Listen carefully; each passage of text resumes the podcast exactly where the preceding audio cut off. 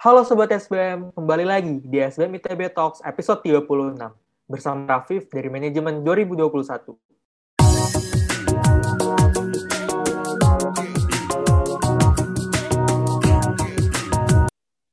Apa kabar ya Sobat SBM? Semoga sehat dan bahagia selalu. Pada episode kali ini, SBM ITB Talks akan membahas tentang International Business Student Living Abroad and Study Experience – mengenai bagaimana sih pengalaman mahasiswa SBM yang sekarang lagi melanjutkan studi di Prancis. Telah hadir bersama kita ada Abdallah Fauzan Wiguna, Faza Ahmad Farisi, dan Aldre Gibiantoro. Halo. Halo. Ya, halo. Oke, nih mungkin sebelum sebelum mulai lebih lanjut bisa kenalan dulu nih. Ada Adib, ada Faza, dan ada Aldre. Mungkin bisa kenalan dari uh, sekarang lagi di kota mana di Prancisnya, terus lagi kuliah di universitas apa, sama ngambil jurusan apa. Dari Adib dulu mungkin. Ya, jadi halo semuanya. Nama gue Abdallah Fauzan Wiguna atau bisa dipanggil Adib. Uh, sekarang gue di kota Ren karena ngambil double degree program di sini. Dan untuk spesialisasinya sendiri itu gue di sini milih jurusan marketing. Oke, okay, marketing. Kalau Faza gimana?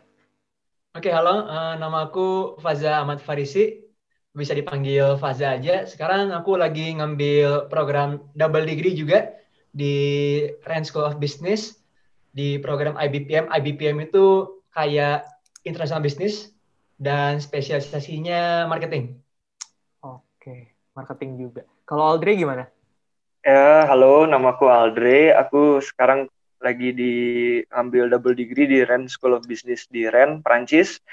Uh, ngambil International Bachelor's Program in Management di dalam specialization marketing and sales. Oke, berarti tiga-tiganya kalian ini uh, sama-sama mengambil di Rand School of Business dan di konsentrasi marketing ya? Iya, Oke. betul.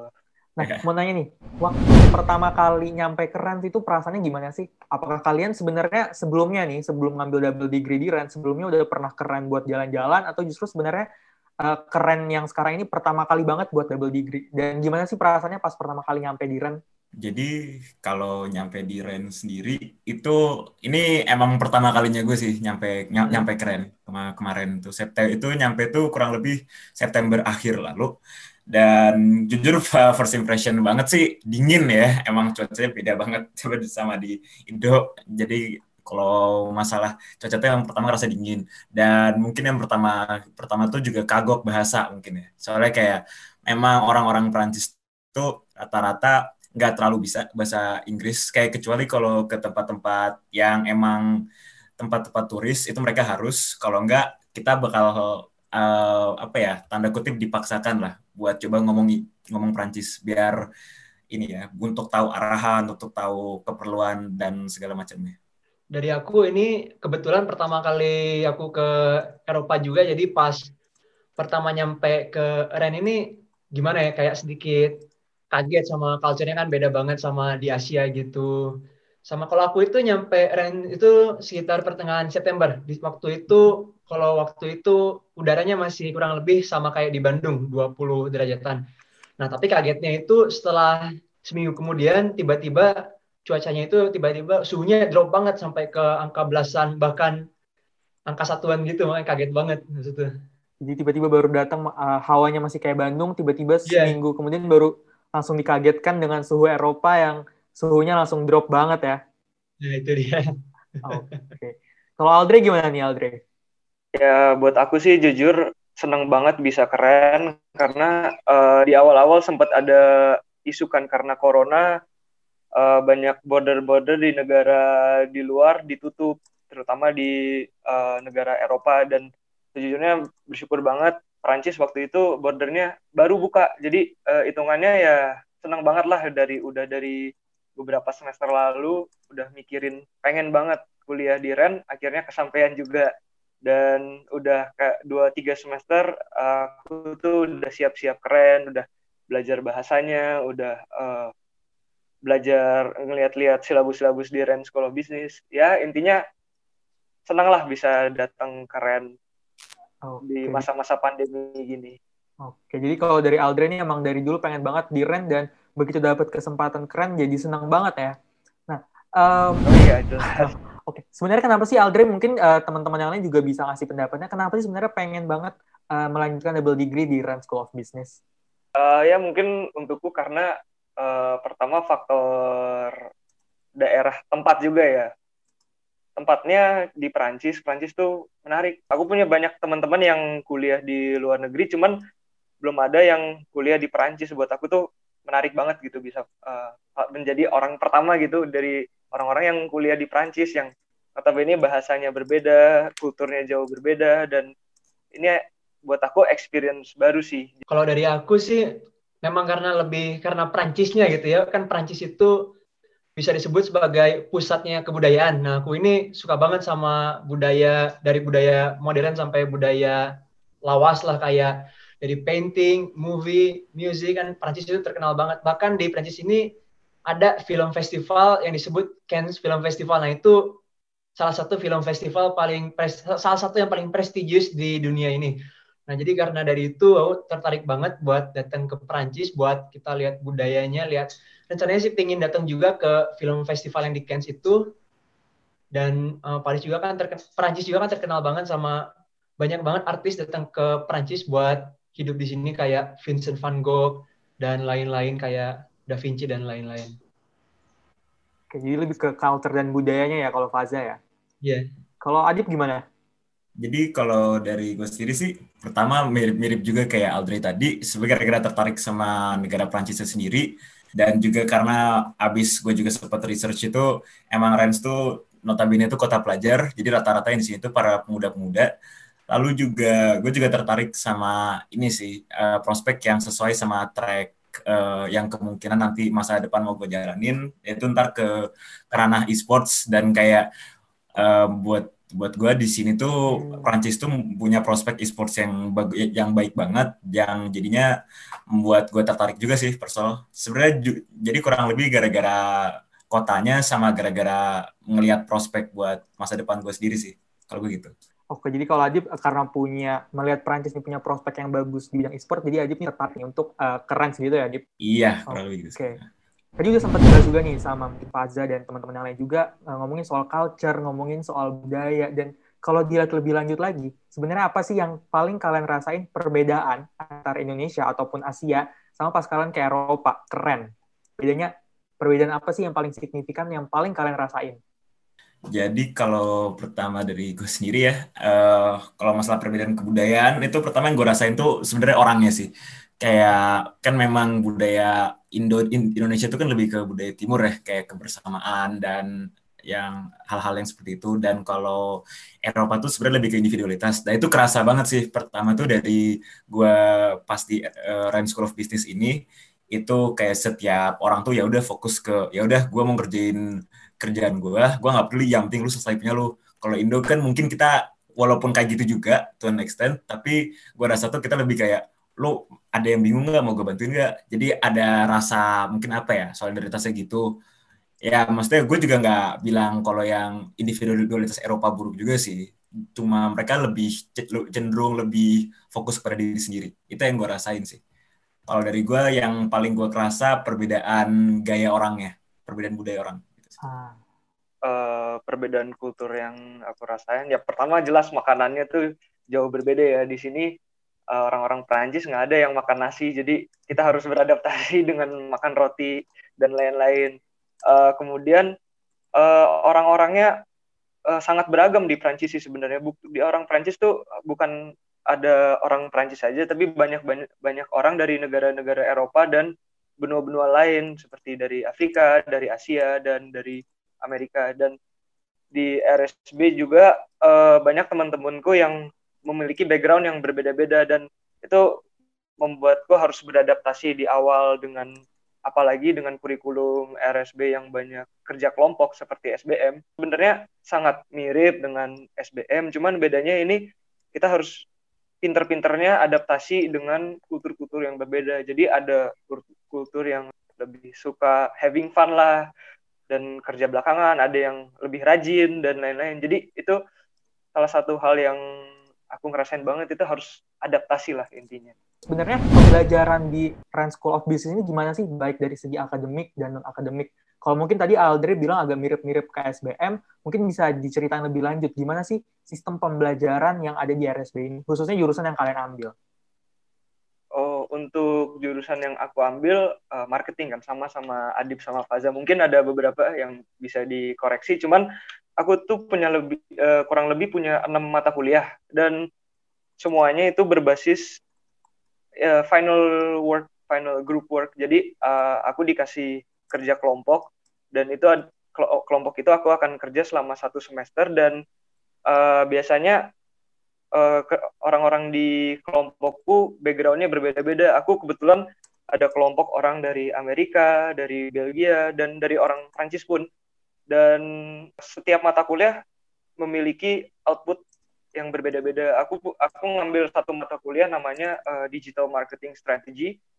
Uh, itu aku ditugasin untuk membuat website untuk small business in REN dan aku membuat website bareng sama uh, teman-temanku dan kita banyak brainstorming dan lain-lain dan buat aku sih seru tapi uh, ya beratnya itu harus beradaptasi ada satu mungkin temanku dari orang Prancis yang kerjanya uh, lebih deadlineer sedangkan orang-orang teman-temanku dari Belgia lebih suka cepat dikerjain dari awal dan itu gimana aku pinter-pinter adaptasinya lah kepada kemauan masing-masing.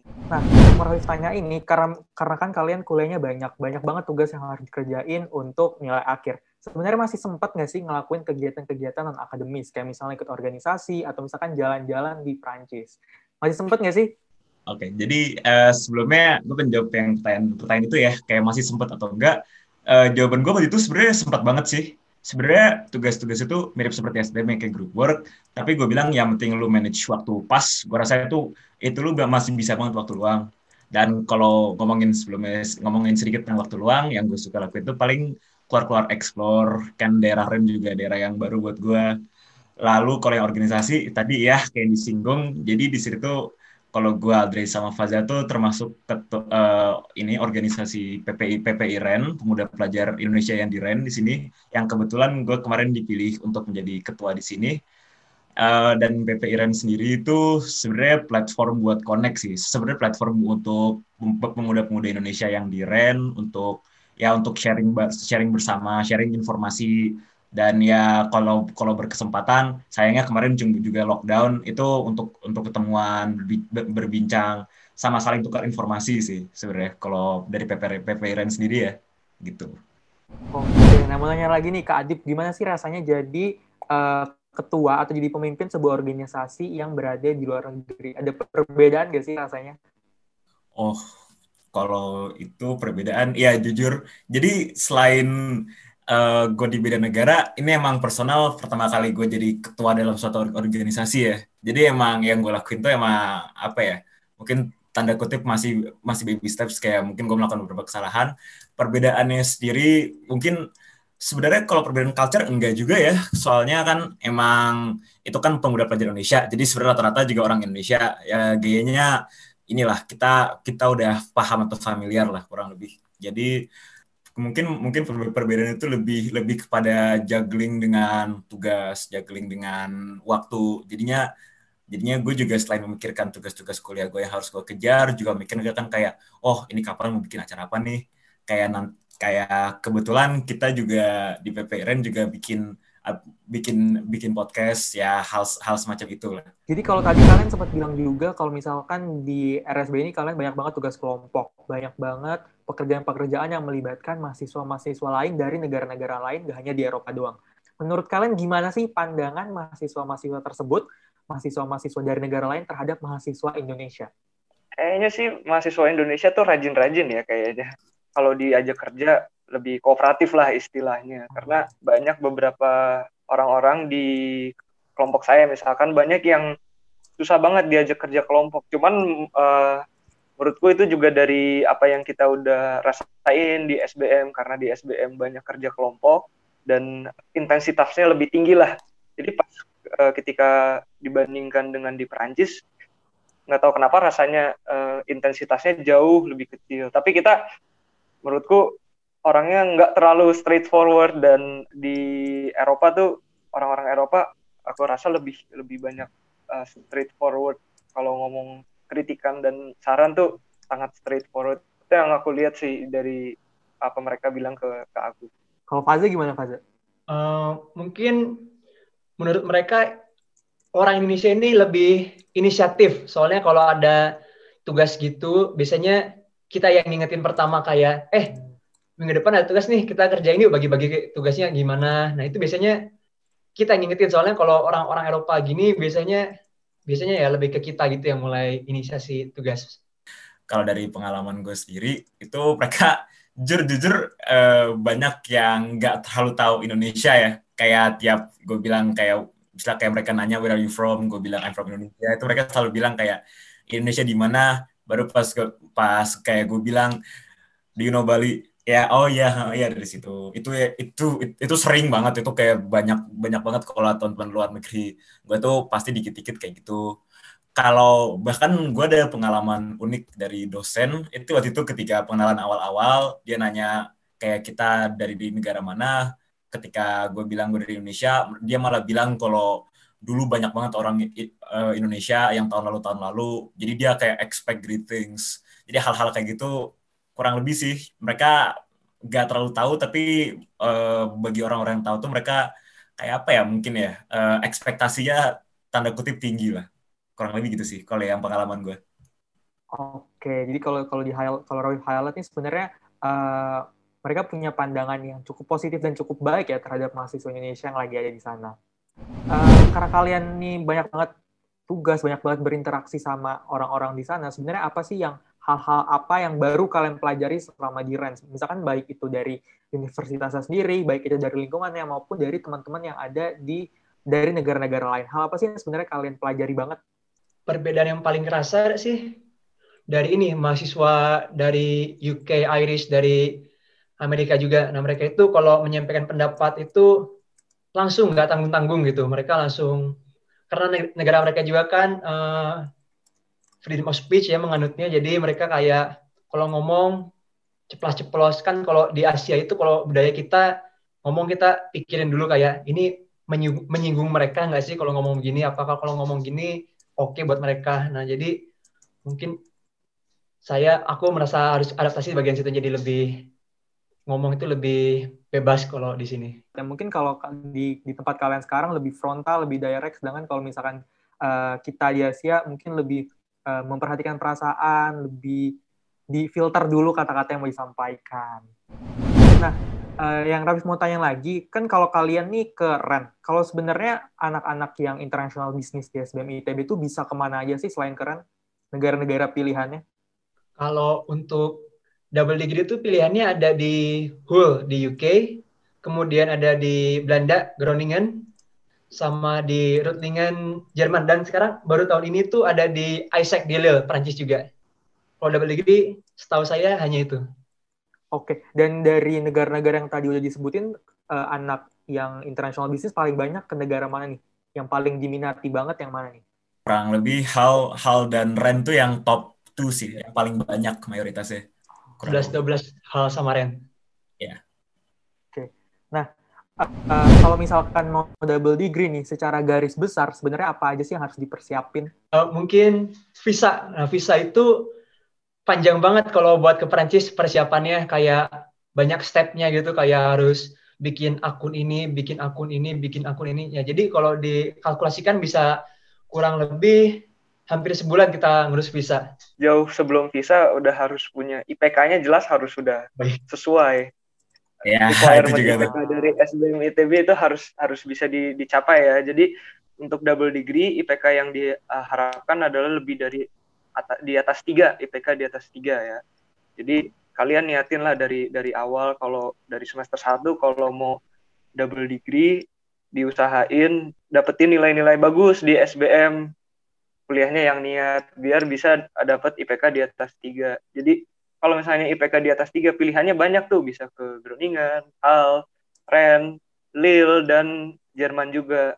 Dan mungkin kalian juga harus uh, lihat requirement yang lain sih. Kalau misalkan kalau misalkan mau ke negara yang memiliki bahasa non English ya mungkin buat kalian juga harus niatin untuk belajar bahasa setempatnya. Seperti kayak di Reutlingen di Jerman.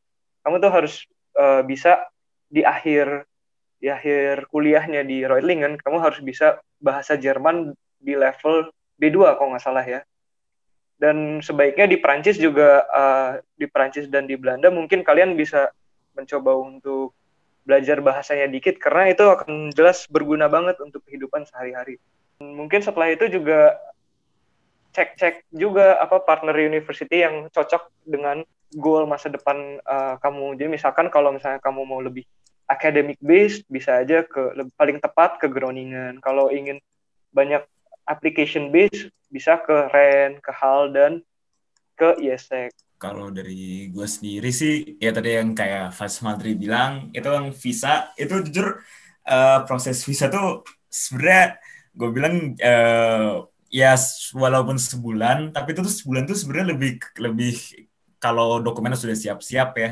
Kalau persiapin dokumennya sendiri ditambah waktu itu tuh uh, dari Mei, dari Mei sampai keberangkatan gue September kurang lebih tuh berapa bulan? Ya tiga tiga bulan lah, more or less. Itu itu memang udah harus disiapin dari situ. Dan kan memang juga kita tuh juga harus apply itu dari Januari ya Januari akhir kalau nggak salah.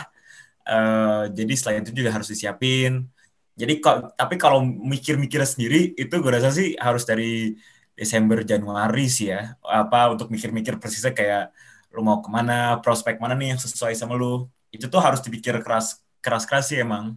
Karena mau mau bagaimana lagi ini kan emang tanda kutip path lu lah ke ke masa depan lu, lu yang diinginkan. Jadi dari gue sih lebih ke itu sih emang harus sebenarnya siapinnya tuh apa iya sebulan tapi juga malah satu ya kurang lebih satu satu semester sedikit kalau persi kalau persiapan dari mikir-mikirnya gitu. Wah jadi sebenarnya banyak banget sih ya yang harus dipersiapin untuk mengikuti double degree ini. Bahkan kalau bisa disiapinnya jauh-jauh berbulan-bulan sebelumnya kalau bisa kayak dari sekarang-sekarang ini ya.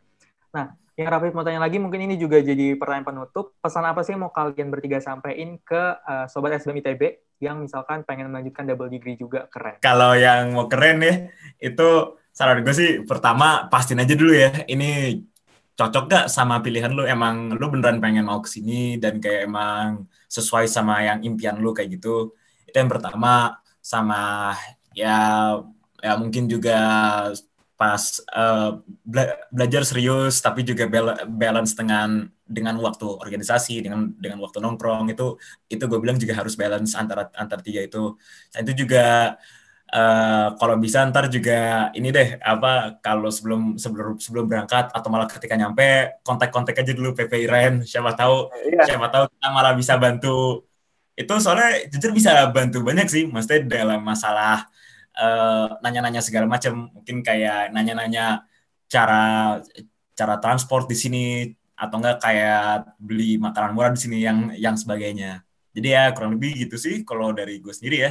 Emang uh, yakin ini sesuai sama cita-cita lu. Selain itu juga ya kontak kontak PPRN kalau ada kalau ada apa-apa, siapa tahu kita bisa membantu.